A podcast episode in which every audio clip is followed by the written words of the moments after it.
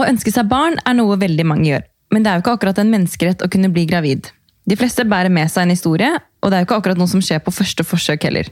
I dag får vi besøk av tvillingmamma Charlotte, som har vært gjennom en lang IVF-prosess, men som nå venter sitt tredje barn. Och som du säger Marie så är det ju väldigt många som önskar sig barn, men det är verkligen inte alltid enkelt. Och det är många som får hjälp via IVF och det är många som har efterfrågat att vi ska prata om just det här temat. Och Charlotte är en eh, efterlängtad gäst. Du lyssnar på Mom Life Podcast med mig Maria. Og meg, Maria.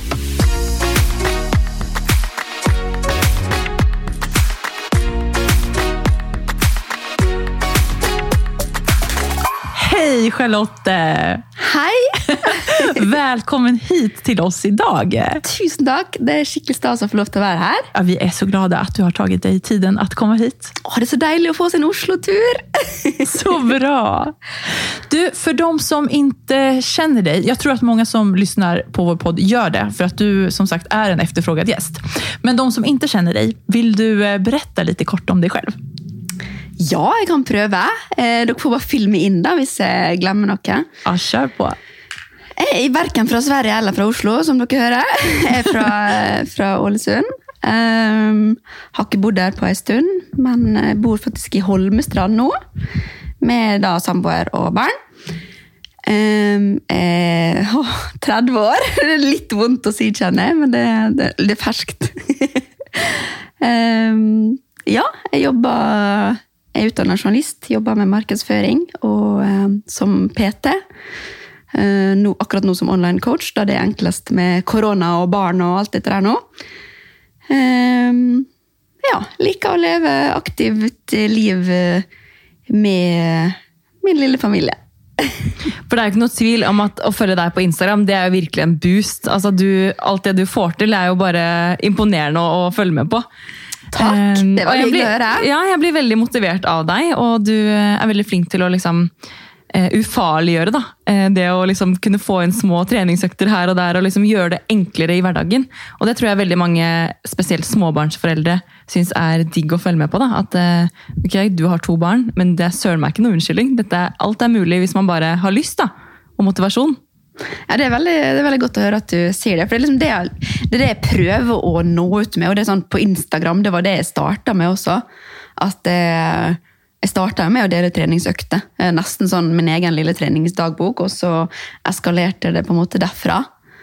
Um, så jeg prøver liksom å holde fast på den treningsbiten oppi alt eh, familieliv og, og sånn, da. Ja, så det er veldig hyggelig. Herlig, ja, herlig å ha någonting och, och sådana rutiner som man kan återkomma till också, även om det är lite kaos i, i vardagslivet och familjelivet. Ja, og det har jo ändrat seg. Alltså, jeg var den som brukte to og tre timer på träningscenter hver dag.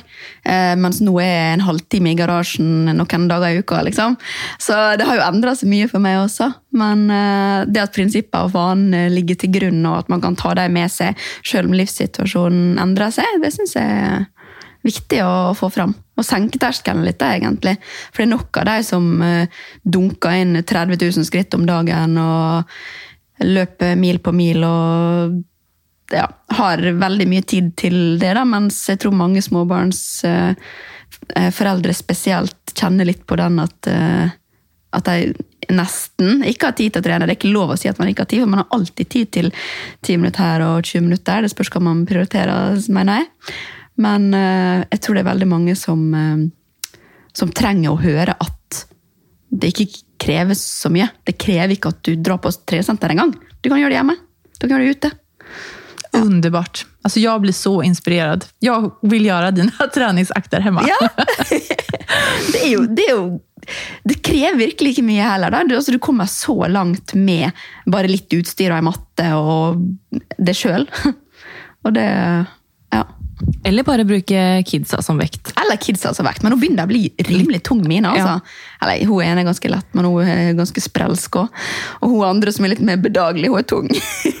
Men det er jo sånn, fra hvert fall de er litt mindre, da, så er det mulig å gjøre liksom veldig enkle øvelser på si matte og sånn, da, med babyen som vekt. Mm, og det er jo perfekt måte å trene seg opp på også etter man har eh, kanskje hatt, Hvis man har hatt en litt tung innspurt på svangerskap og ikke fått inn så mye aktivitet på tampen der, og så er det healing-prosessen noen uker etter fødsel, så eh, da er det jo helt supert å starte opp igjen med en liten eh, tre-fire-fem kilos eh, klumpedump.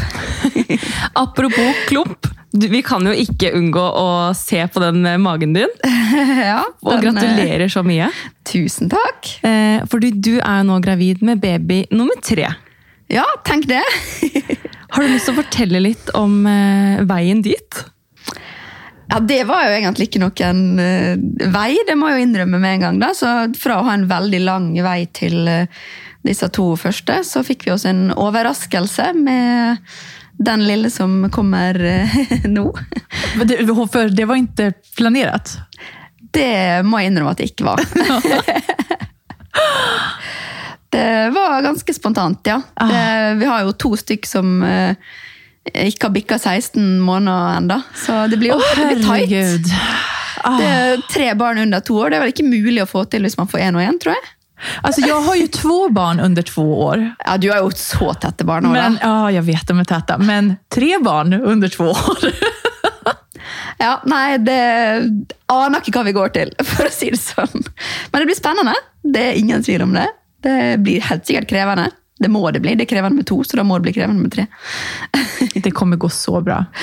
Ja, det må jo bare gå bra. Det blir sikkert det blir herlig. Da blir jo den trioen, da. Satser på det blir eh, besties for life. Ja. Men du, vi skal starte litt her med eh, din IVF-resa. For du gjorde jo IVF for å få dina första barn. Vill du starte og berette litt der? Ja, hvor skal jeg begynne? Eh, jeg liker jo å være åpen om den prosessen eh, på en måte som jeg føler at kan hjelpe andre. Mm. så både de som føler at, eller de som går gjennom det sjøl, men også de som har noen i sin nære krets som skal eller har eller er, er på vei gjennom det. da.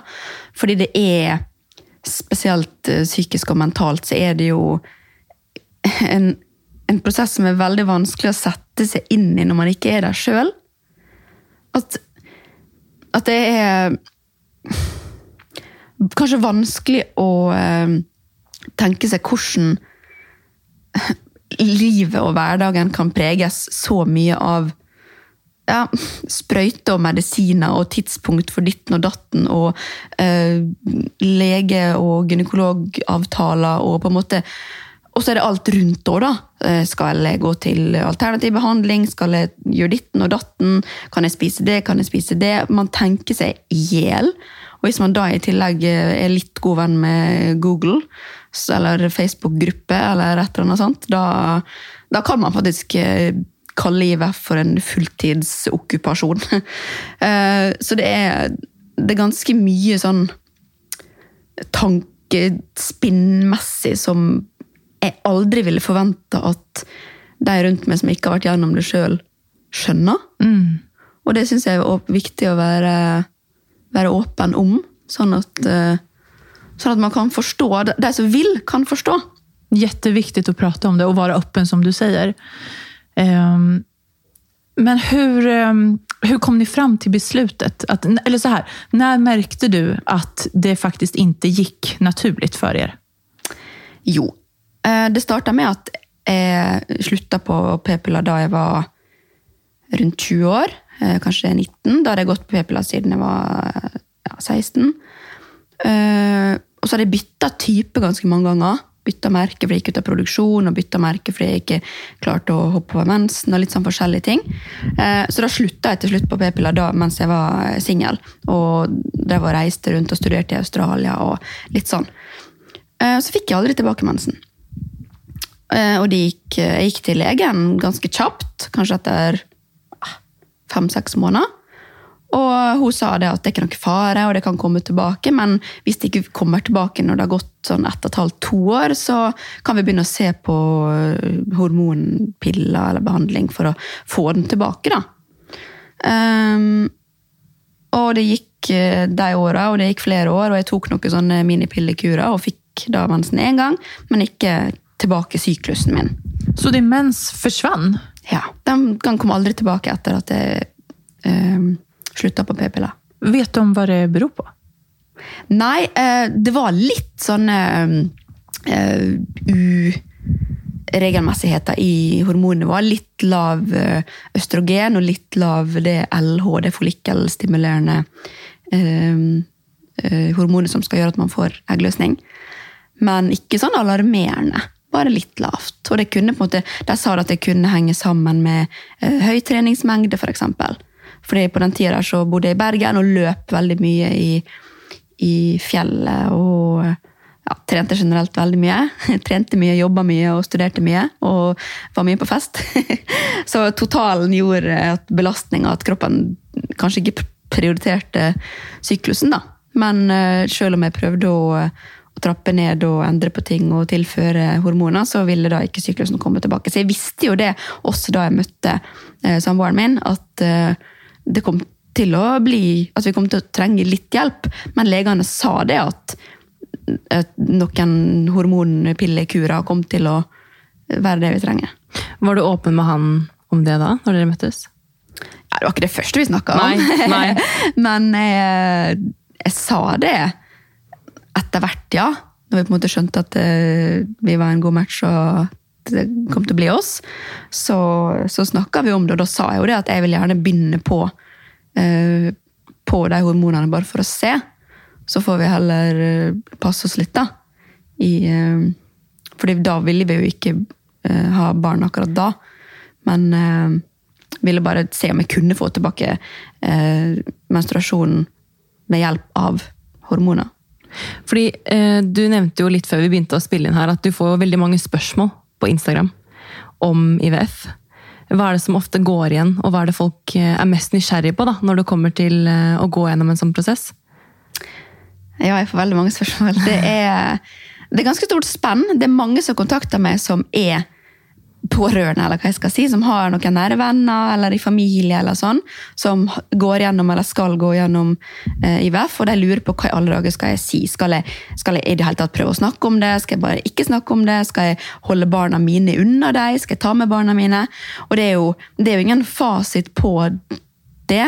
Vi kan godt gå nærmere inn på de ulike spørsmåla, uh, men det er jo Man må jo prøve seg fram. Det er jo i hvert fall det korte svaret på, på, det. Man må høre hva den som går gjennom det, vil. Men det er ingen tvil om at det er, det er mye å tenke på både for den som går gjennom det, og for de som skal være i nærheten. Eh, jeg syns jo i periodevis sjøl at det letteste var å, å støte fra seg folk og bare møte færrest mulig folk. Og jeg ville i hvert fall ikke møte barn. Nei, at du, du dro deg undan litt fra anhørige og for barn? Ja, jeg gjorde det. Mm.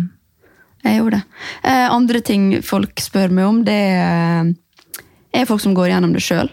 Som føler at alle, nå gjør jeg sånn hermetegn med fingrene, eh, får det til med en gang. At det går på første forsøk med IVF, og kanskje til og med før man kommer i gang med, med selve prosessen. Og at det ikke er så stress, da. Men så står det der sjøl i forsøk nummer fire og lurer på what to do. Um, og da er det så lenge legene sier at det er håp, så er det håp. Håp, håp er det viktigste du har. Du, hvis ikke du har håpet, så har du ingenting. Da, da kommer ikke du deg videre i den prosessen. Og ja, det er tungt å stå i, og ja, det okkuperer hele livet. Men eh, hvis du vet at ønsket ditt er å komme i mål med prosessen Og det er det mange som trenger å høre. Det er mange som, som står der og har egentlig lyst til å gi opp fordi de har lyst til å føler at de lever livet igjen, for at de føler at livet står på pause mens de er i prosessen. Eh, og som rett og slett trenger å snakke med noen som har brukt tid og energi og deler av livet på dette her, da. Eh, og kommet ut eh, i riktig ende, for å si det sånn. Men kan jeg spørre, Du nevnte jo at dere hadde seks forsøk, var det det? Mm. Hvordan, Og du på en måte støtet fra deg kanskje litt eh, mennesker fordi du ikke orket å, å, få spørsmål, kanskje, og sånne type ting. Men hva gjorde du for å på en måte komme deg gjennom, da?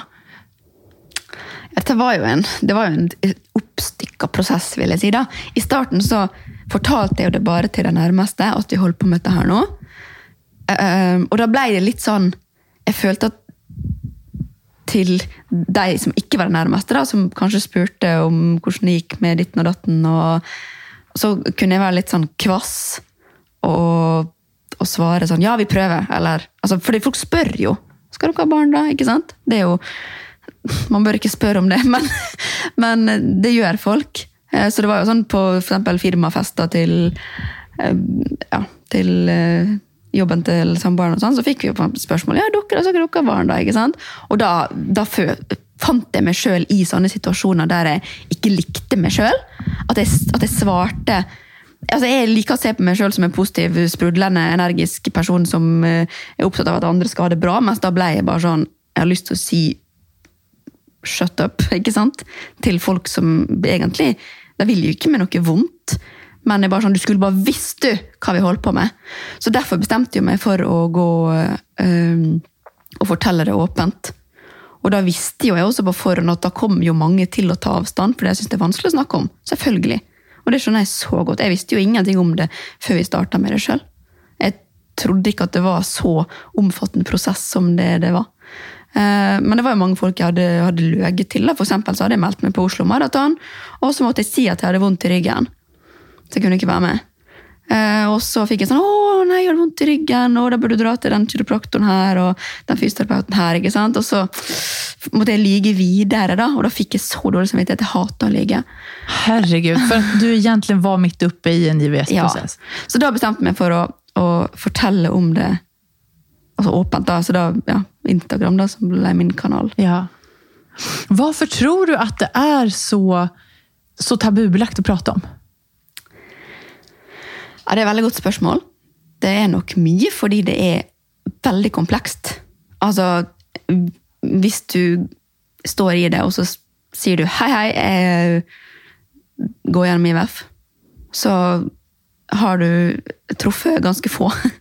Eh, Av ditt publikum da, så er det ganske få som egentlig skjønner hva det går i. Så da risikerer du kanskje at eh, majoriteten tenker 'hjelp'. Dette her vil ikke blande meg inn i helt, jeg kan ikke noe om, eller Man er jo Man vil jo kanskje ikke stille seg til disposisjon for å være støtteperson om noe man ikke vet noe om, tenker jeg. Men det du har gjort veldig fint, da, er at eh, du visste jo som du sier, ingenting om dette før dere var der selv. Og så tar du liksom valget å gå åpent ut med det i dine egne kanaler. Og da åpner du jo opp for på en måte en eh, fin måte å kommunisere med andre som er akkurat i det samme situasjonen. da. Og nå i etterkant også, hvor du nå sitter og er gravid igjen, eh, så kan jo også det kanskje være en motivasjon for folk som er i samme situasjon. da. Ja, det har jeg fått mye meldinger på. Jeg har fått veldig mye meldinger de siste dagene. Ehm, og da er det mange som skriver blant annet det, at, eh, at jeg blir veldig glad på våre vegne. Ehm, både fordi prosessen har vært så tung, eh, og trenger ikke alltid å være det, da, for å si det sånn. Nå- Det er jo et mirakel. ja, det, det er jo det det er. Jeg trodde aldri at eh, Jeg trodde aldri at jeg skulle bli gravid naturlig, for å si det sånn. Det, den Det var en egen historie, skulle jeg si. Det var ikke var, Hva skal jeg innrømme at det ikke var planlagt å få tre barn på under to år. Eh, kanskje ikke tre barn var planen i det hele tatt. Det, jeg trodde, trodde jo at det skulle være vanskelig å bli gravid, så jeg var veldig fornøyd med de to. Det må jeg jo innrømme. Eh, Det blir helt fantastisk med tre, selvfølgelig blir det det. Men eh, det var en overraskelse for oss. Så legene sa jo det, at med en gang eh, eh, jeg greier å bli gravid med IVF, så eh, kommer hormonbalansen i kroppen til å være gjenoppretta. Eh, Og da må man kanskje passe seg. Og jeg var jo på sånn eh, celleprøve og sånn sjekk med en gang jeg fikk tilbake mensen etter jeg slutta å amme. Og da sa jo hun også det. Så da fikk du tilbake mensen din. ja, da fikk jeg Naturlig, med en. Mm, fikk med en gang, en måned, tre uker etter at jeg slutta å, å amme, så fikk jeg. Jøss, det er jo ganske sykt, da. At det Men jeg trodde på en måte ikke på det likevel, da, at, at det kom til å bety at det blir kjempelett naturlig gravid. Det var helt ufattelig. Men hvordan fant du ut at du var gravid? Jeg tok en test, da. Ja. Tissa på en pinne, da. Fordi du, hadde, du savnet da mensen din, da. Ja, jeg, jeg brukte en sånn app. Eh, sånn termo, jeg målte temperaturen under tunga hver dag. Eh, så da hadde jeg en app som sa eh, tid jeg skulle få mensen. Og den hadde funka helt perfekt, så planen var jo å bruke den som prevensjon, for jeg ville ikke, ta noe mer, jeg ville ikke dytte med mer hormoner enn nødvendig. For jeg føler jeg har fått min, min dose. så eh, det var jo planen å bruke den som, som prevensjon, og det funka jo så lenge vi fulgte den. Um, så jeg visste jo når jeg skulle få mensen. Så når jeg ikke fikk den, så tok jeg test samme dagen, og den var positiv. Og hva, hva følte du da? Helt ærlig panikk. Ja. Da var jeg alene hjemme med begge jentene. Det var, det var jo lenge før de fikk barnehageplass. Eh, Det var lenge før vi tenkte at vi skulle prøve å få tidligere barnehageplass, egentlig. Så det var kanskje utløsende. Eh, Men, eh, så jeg var hjemme med begge jentene, og de var jo litt trøtte og litt grinete. Og drev og åpna alle sjampoflasker og tømte dem ut i dusjen og sånn. Sånn som jeg pleier. Reiv, rulla ut hele dopapirrullen og ja. Jeg ser det for meg. Mens jeg var på badet og tissa på den pinnen, da. Så jeg tenkte jo, det første jeg tenkte, var jo bare shit. Hvordan fortalte du det til Sturle? Jeg starta kamera på telefonen inne på badet der. Og så bare snakka jeg med jentene og fortalte jentene hva som skjedde nå. Og så sendte jeg den filmen til han. Jeg sendte den til han.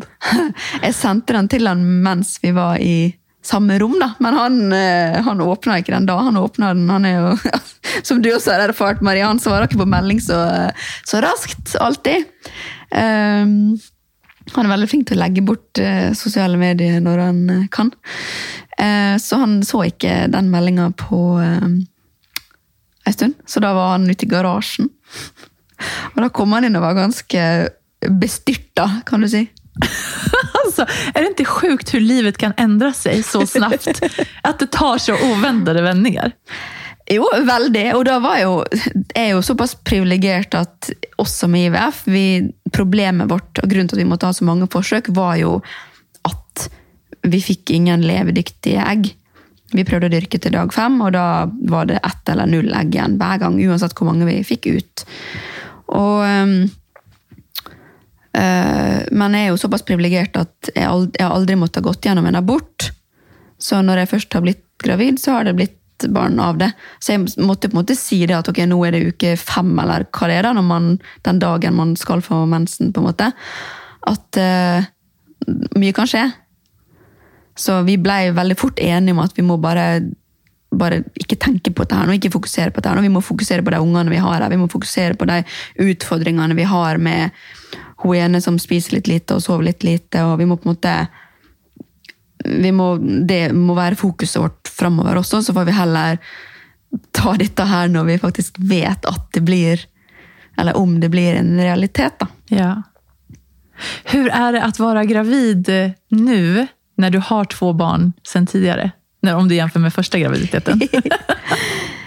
Eh, På mange måter likt og på mange måter ulikt. Første 13 ukene var ganske grusomme, fordi da klarte klarte ikke jeg å dra på matbutikken, jeg klarte ikke å åpne kjøleskapet, jeg var så sykt kvalm. Hodepine, lå på et mørkt rom og følte at noen prøvde å sage ut hjernen min, og bare ja, klarte ikke å, sleit med å skifte bleie på disse små, klarte ikke å mate dem, og veldig sånn ja, det, det, var, det var tøft. Og da tenkte jeg at dette her er jo galskap å gjøre dette her igjen. For det var jo akkurat sånn jeg hadde det hele første svangerskapet. Så det altså, men det gikk over eh, rundt uke Eller ganske nøyaktig uke 13, da, i påska. Da, da gikk det over. Da var det nesten sånn over natta, så bare var jeg i fin form igjen. Ah. Men jeg greide å trene ganske greit da, i den, selv om jeg var kvalm. Det var på en måte det som hjalp, for jeg trener jo kun utendørs, i frisk luft. Så det hjalp veldig. Å å få bevegd seg og sånn. Men inne der sleit jeg virkelig. Men siden det så har jeg bank i bordet vært i helt toppform. Og eh, ja, trøtt er jeg jo, men jeg tror det er fordi jeg sover lite. Jeg tror ikke det er fordi at jeg er gravid. altså, når du kom inn her gjennom døren, så fortalte du at du hadde sovet to timer i natt. Ja, det er maks. Absolutt maks. Og jeg sitter og klager over at klagar över att jag uppstyckat. sover fire. Ja, hvis, hvis du sover fire hver natt, så er det ille. Jeg sov sju de tre foregående nettene. Okay. Okej. Så ja. Ja. Ja, ja, men ändå. Alltså, hur, men hur tycker du att det är att eh, ta hand om, om tjejerna som du har nu, alltså när du är gravid? Hur... Det går helt fint. Foreløpig så går det helt uh, ingen forskjell. Jeg begynner å kjenne på det at magen er i veien når jeg skal bøye meg ned. og, og sånn. Jeg kan ikke sitte på en stol og bøye meg ned på gulvet. på en måte. Det går ikke. Uh, men ellers så går det Merker ingen forskjell. Heldigvis. Ja. Ja. Det minns jag, för jag tog ju hand, eller tog hand om, men när jag eh, blev gravid med Valentina så tyckte ju jag att det blev ganska tungt efter ett tag. Alltså jag kunde inte bära Matilda i slutet av min graviditet. Det tror jeg på. Mm.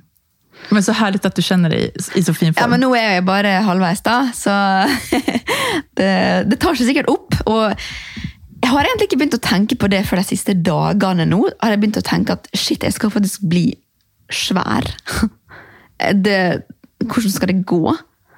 Og ja, jeg, jeg begynner å kjenne på litt sånne ting som jeg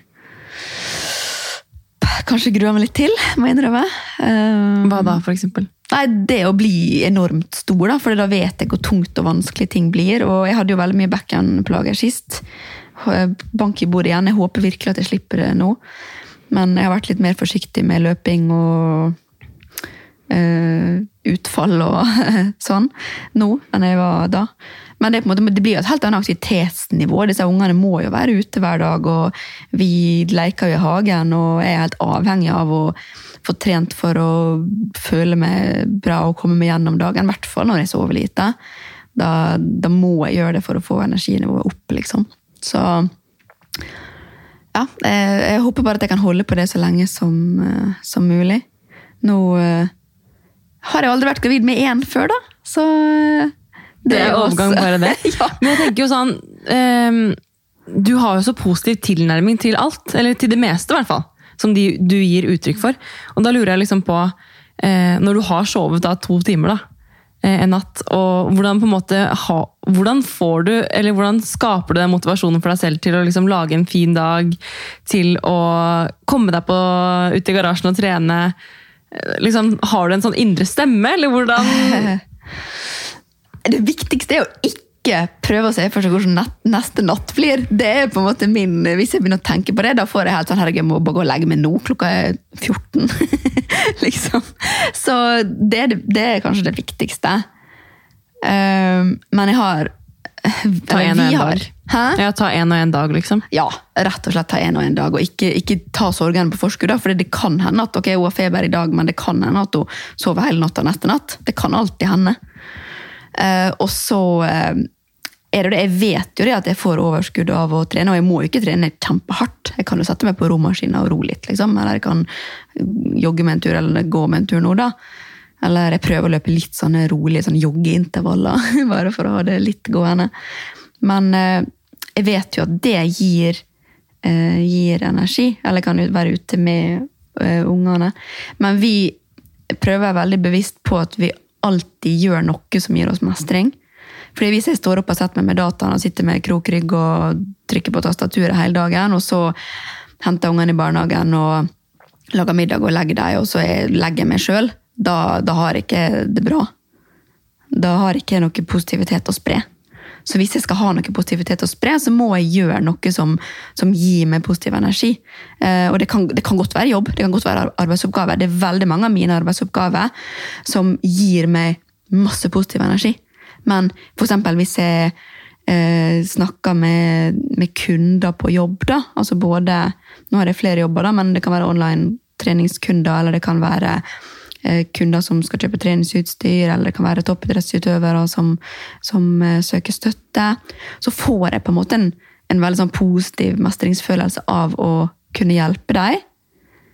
Men hvis jeg sitter og, og, coacher noen, da, ehm, eller oppmuntrer noen til å satse på den og den konkurransen, og sånn, så må jeg ut og bruke min egen kropp også.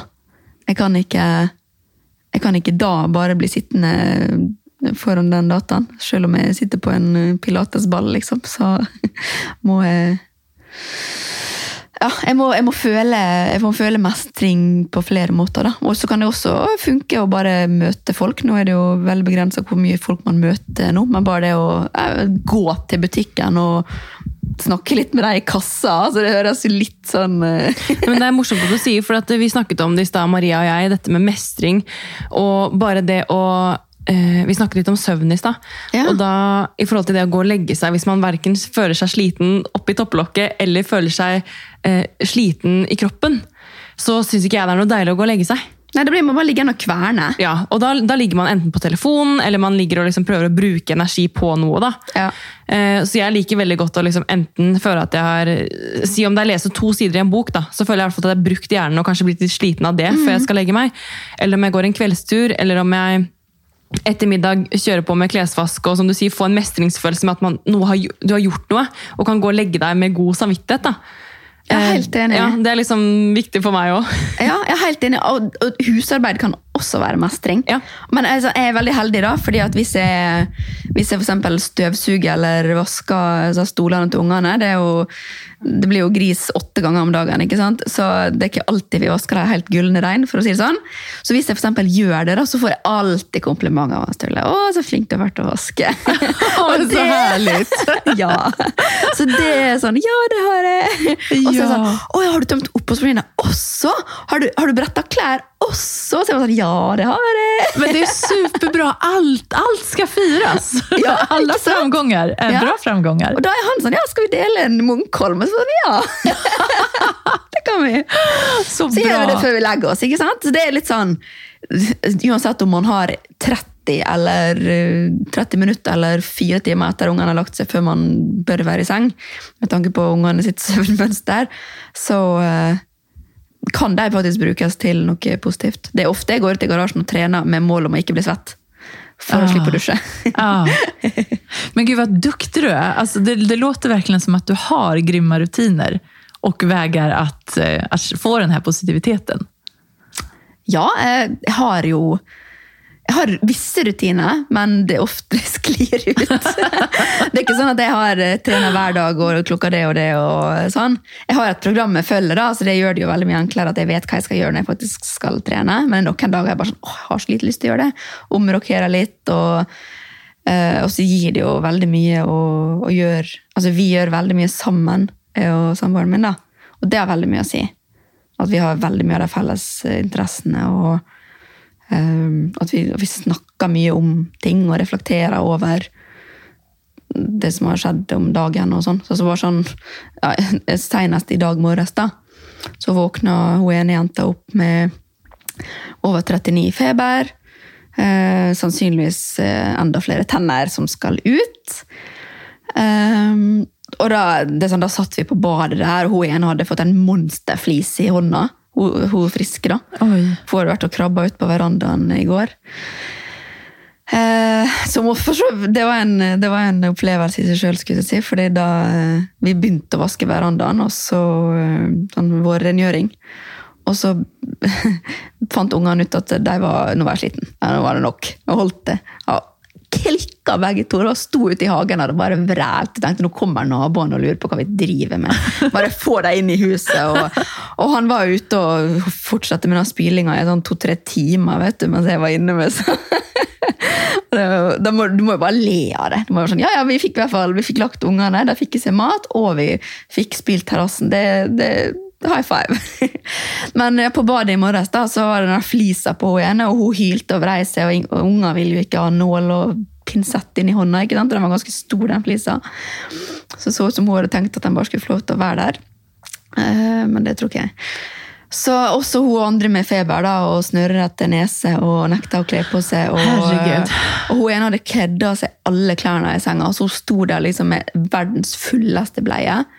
De får ikke lov å stå opp før klokka seks, og det vet jeg veldig godt, fordi vi har en sånn lampe på veggen som, ja, der kaninen står opp klokka seks. Funker en sånn lampe? Ja, Gud så bra, Jeg måtte kjøpe en sånn. men eh, hun, eh, hun vinker til kaninen og legger seg, sier natta. Da sover på hvert sitt rom. Eh, og så For da ligger kaninen og sover, og så står kaninen opp om morgenen. Da kommer det sånn fuglekvitter og sånn, men hun står alltid opp før kaninen. Men hun vet at hun ikke får lov til å komme ut av rommet. Så hun sitter bare der og styrer og pludrer og drar i gardinene og liksom knytter opp knutene i sengetøyet og sånn. og så eh, I dag hadde hun kledd av seg alt. Hun, av seg, hun, hun sov i sånn sovepose sånn uten armer, og så pysj. Kledde av seg alt. Så hun sto der da, i, eh, i eh, kun bleia. Og den, altså, den lukta full bleie når du kom inn på rommet der nå. Stakkars jente. Men hun vet jo at hun ikke får stå opp før så hun prøver ikke. Hun, hun lager litt sånn lyder sånn at man skjønner at hun er våken, men så, ja. Uh, og det happy, det fornøyde gliser og står der og vifter med bamsen i, i baris og bare sånn hei, hei, god morgen. Søt nose. Ja. Så hun eh, fikk eh, altså, må bare le av hele situasjonen, da, for det er hun i baris med den fulleste bleia, og hun andre med feber og snørrete nese. og bare sånn, Ja, da, da må du være hjemme i dag, da. Sånn som du var tre dager forrige uke. Men veldig mange andre ville jo i en sånn situasjon tenkt at er det mulig, liksom? Det her er bare kaos. Ja, vi tenker jo det. Vi ser på hverandre og bare Altså, nå rakner det. Ja, men sånn, Det virker jo som dere på en måte klarer å se liksom, både humoren i det og tenke at ok, når de ungene er lagt, da, så har dere faktisk klart å gi dem mat, legge dem eh, og spyle terrassen, og på en måte se det positive i det, da, istedenfor å på en måte bryte sammen og tenke på alt man ikke fikk gjort. Ja, det kan du si. Det, men det er nok en treningssak. Vi har, vi har hatt noen runder. Ja. Vi har sittet noen kvelder på gulvet og snakka sammen og bare Hva skal vi gjøre? Vi, hva, ja. Så vi har jo blant annet fått hjelp til husvask. Altså leid inn til det, det sitter litt langt inne, men det har på en måte bare vært sånn Herregud, så befriende. Ja. En luksus for Ja. dere, på en måte. Ja. Eh, nå får dere jo en baby til, så dere blir eh, en familie på fem. Hvordan, hvordan, hva tenker dere om det? Hvordan forbereder dere dere? Nei, som sagt Helt ærlig så har vi jo eh, ikke eh, tenkt så mye. det er jo litt av naturlig. Det er veldig mange som, Jeg vet at dere har fått spørsmål om hvorfor vi venter så lenge med å gå ut med det. Eh, og det er, naturlig, det er kun naturlige grunner til det. Det er litt sånn logistikk med å få fortalt det til jobb og at ting gjøres i den riktige rekkefølgen. Eh, men det er også det at vi faktisk har trengt den tida på å skjønne at dette skjer. Eh, vi har anelse hva vi går til. Eh, vi har ikke prøvd å se for oss hva vi går til. Eh, det har vi heldigvis god trening i, fordi vi ante ikke hvordan det var å få tvillinger. Vi kunne prøvd å sette oss inn i hvordan det var å få ett barn, men eh, vi droppa det siden vi fikk to, så da ante vi ingenting. Vi bare tok det som det kom. Og det, vi kjører samme stil nå, for å si det sånn. Vi vet at det blir krevende, vi vet at vi må ha ny bil, og vi vet at vi må liksom eh, gjøre litt om på ting. Vi diskuterer ofte hvordan vi skal gjøre det med rom i huset og baderomsfasiliteter etter hvert og sånn, men det finner vi helt sikkert ut av. Vi har, eh, vi har nok ideer, så vi, vi løser nok det. Men uh, vi har ikke brukt så mye tid på å tenke hvordan det blir, altså. Det har vi ikke gjort. Nei. Eh, Vi har jo fått inn noen spørsmål, Charlotte, og underveis nå så tror jeg vi har svart på ganske mange av de, men jeg skal bare dobbeltsjekke her at vi har kommet oss igjennom. Hva ser hun minst og mest frem til? Med at nummer tre kommer til verden. Yes. Ja, jeg skal jo innrømme at vi, vi ser jo uh, utfordringene. Vi har to i barnehagen nå. Det blir jo spennende med tre. Um, jeg, jeg vil ikke rangere hva jeg ser mest og minst fram til, kanskje, men, uh, men jeg, jeg kan jo si hva jeg ser er de potensielle utfordringene. Og det er jo blant annet sånn logistikk med vogn. eh, Sånn, sånn trillingvogn ser jeg ikke helt for meg. Så da Det er jo det at tre små barn er mye å håndtere for én person, da. Rett og slett. At, at, man, at det vil kreve at man er to voksne eh, veldig mye av tida. Eh, nå har vi jo blant annet ei av mine tanter som passer jentene fast en, gang, en dag i uka. Hun, kan ikke tale tre. Så det er litt sånn, ok, vi har um, Vognene står i garasjen, garasjen er rett med veien, og garasjen er noen meter fra huset. Eh, så da må jeg kanskje bære ungene opp og spenne dem fast i vogna, og så gå ned og hente neste. Og så må jeg ha én i sele og to i vogn. og ja, Litt sånn, da. Det, Sånn det praktiske Ja, sånn praktiske ting. Eh, Vi har begynt å se på bil, som kan passe til tre helst tre Isofix. Da, med i hvert fall tre barneseter, enten det er beltefester eller uh, Isofix. Og det er ikke bare bare. Uh, vi har måttet lagt fra oss elbil. Det får satse på det kommer noen nye smarte elbiler i løpet av de neste åra, så vi kan kjøre til Ålesund og Stryn og sånn med. Men foreløpig så ser det ut til at vi må eh, rett og slett få oss en fossilbil. Og det er jo en eh, stor overgang for oss. Ah. Så litt sånne ting. Ja. Jag tycker det är fint att du säger, eh, eller ja, som du berättade tidigare också, att ni har städhjälp till exempel. Eh, och nu berättar du att du har tanter som ni tar hjälp av. Eh, att, att det är okej att ta hjälp. För att jag upplever ofta att det är många som kanske känner att man bör göra allting själv eh, och man ska klara av det. Men som du säger, att det kan bli krävande och att, att det är bra att ta in lite hjälp då också.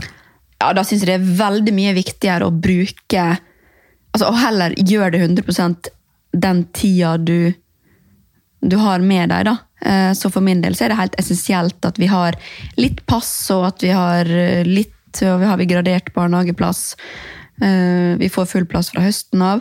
Sånn at den tida vi har sammen på morgenen og etter barnehagen, og de dagene det ikke er barnehagen, og i helga, at vi heller er all in og gir full kvalitet de, den tida, da, så tar vi heller hjelp for å komme oss ovenpå. Fordi hvis, hvis jeg har hengt langt bakpå med jobb, eller ikke har sovet, eller ikke har trent, da er jeg ikke en god mamma. Og det, det gjelder han også. Så vi, hvis vi skal kunne gi 100 eh, eller tilnærma 100 å være gode når vi er med jentene våre, så eh, må vi ha hjelp. Eh, Det ble vi heldigvis fortalt veldig, av veldig mange i forbindelse med at vi fikk to på en gang. At når man har tvillinger, så må man bare be om hjelp. Og det er veldig fint at dere gjør. Mm. Jeg tror det er viktig, som du sier, at man, man må jo liksom litt selv eh, ta på sin egen eh, maske før man hjelper andre. Det får man jo beskjed om på flyet. på en Ja, måte. ja, ja. Og det er litt sånn samme greia her. da, at man... eh, jeg også merker selv at hvis jeg føler meg som en drittmamma, liksom, så er det jo fordi at en av mine behov ikke er dekket. da. Nettopp. En av de liksom viktige, altså Nå snakker jeg ikke om uh, sånn filleting, men uh, hvis jeg er kjempebakpå på søvn eller eh, ikke har fått lufta meg eller liksom hentet inn energi, da, så klarer ikke jeg å gi energi til livet heller. Nei, og det- kan jo være småting også. Det helt, jeg syns det er helt lov å si at vet du hva, nå har jeg ikke fått tid til å vaske håret eller ta hudpleierutinen min på ei uke, og jeg føler meg skikkelig og det preger dagen min. Det, det høres kanskje overfladisk ut, men man er seg sjøl nærmest, da, på godt og vondt. Så jeg syns virkelig at, eh, at man skal våge å prioritere seg sjøl og be om hjelp for å legge til rette for å være en god ja, både mamma og kjæreste og datter og niese og venninne og alt mulig, når, når man velger å være til stede som det. Mm. Veldig enig. Så jeg skulle gjerne hatt enda mer hjelp. Ja. Nei, men Ta imot hjelp det tror jeg vi har snakket om før også. Det tror jeg er veldig viktig. Eh, enda om, om man har to barn eller ett barn eller flere barn, så, eller om man er gravid også, trenger noe hjelp hjemme. Mm. Så, mm. men eh, et annet spørsmål. da. Vet man om man har delte magemuskler etter graviditet, eh, og hva kan man gjøre? Kan du si noe om det? Ja, man vet jo det. Eh, Det, det som er veldig individuelt, er hvor raskt de gror sammen igjen.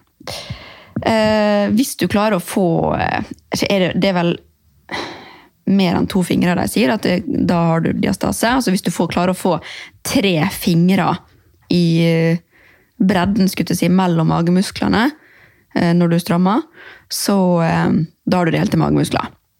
Og Da finnes det litt sånn teknikker for hvordan du skal posisjonere deg for å teste det, om du får fingrene mellom og sånn.